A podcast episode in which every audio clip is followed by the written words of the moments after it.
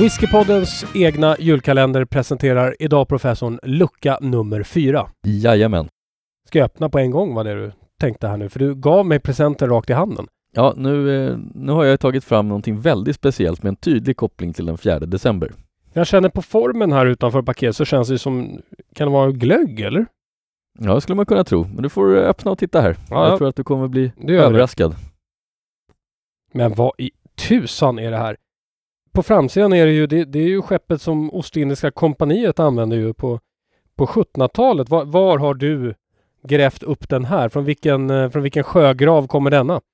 Nu skulle man ju kunna tro att det här är en flaska skeppet vi tittar på, men det är det inte. Utan eh, det här är ju det självklara valet. Det här är en Arak. Men Arrak, men okej. Men, men nu är det ju... det, är, det är lite av whiskypodden vi driver här, professorn. Ja, låt mig förklara här nu om du inte ser den uppenbara kopplingen. Det är ju så här att det här datumet i historien, år 1676, den 4 december, så vann ju Karl XI slaget vid Lund mot danskarna, ett av de blodigaste slagen i Sveriges historia. Och i Lund, som alla vet, så finns det ju mycket studenter. Och studenter, de dricker ju punch. Och den viktigaste ingrediensen i punch, det är ju arak.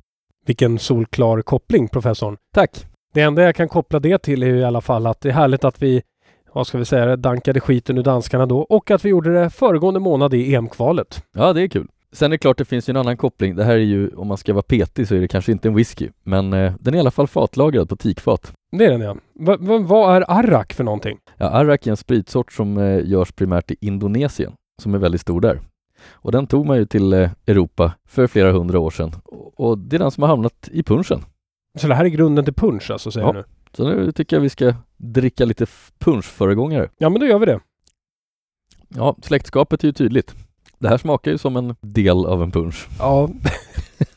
ja, det, ja, det är en del då i sådana fall. Den där lite äckliga delen i punch skulle jag då säga, men Nej, jag tycker det är ganska gott. Det här skulle jag kunna tänka mig att ha i mina, mina chokladbollar så det blir arrak-smak på dem. Det här är bra att baka med. du är en sån där som lurar små barn att ta den där hemska lilla chokladbiten med likör i. Det hör jag det. Mm. Körsbärslikören.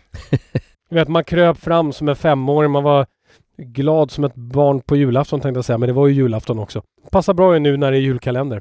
Man kommer fram och händerna är större än kroppen och handen bara växer och växer och man tar den där chokladbiten, får in den i munnen och så Åh fy fan!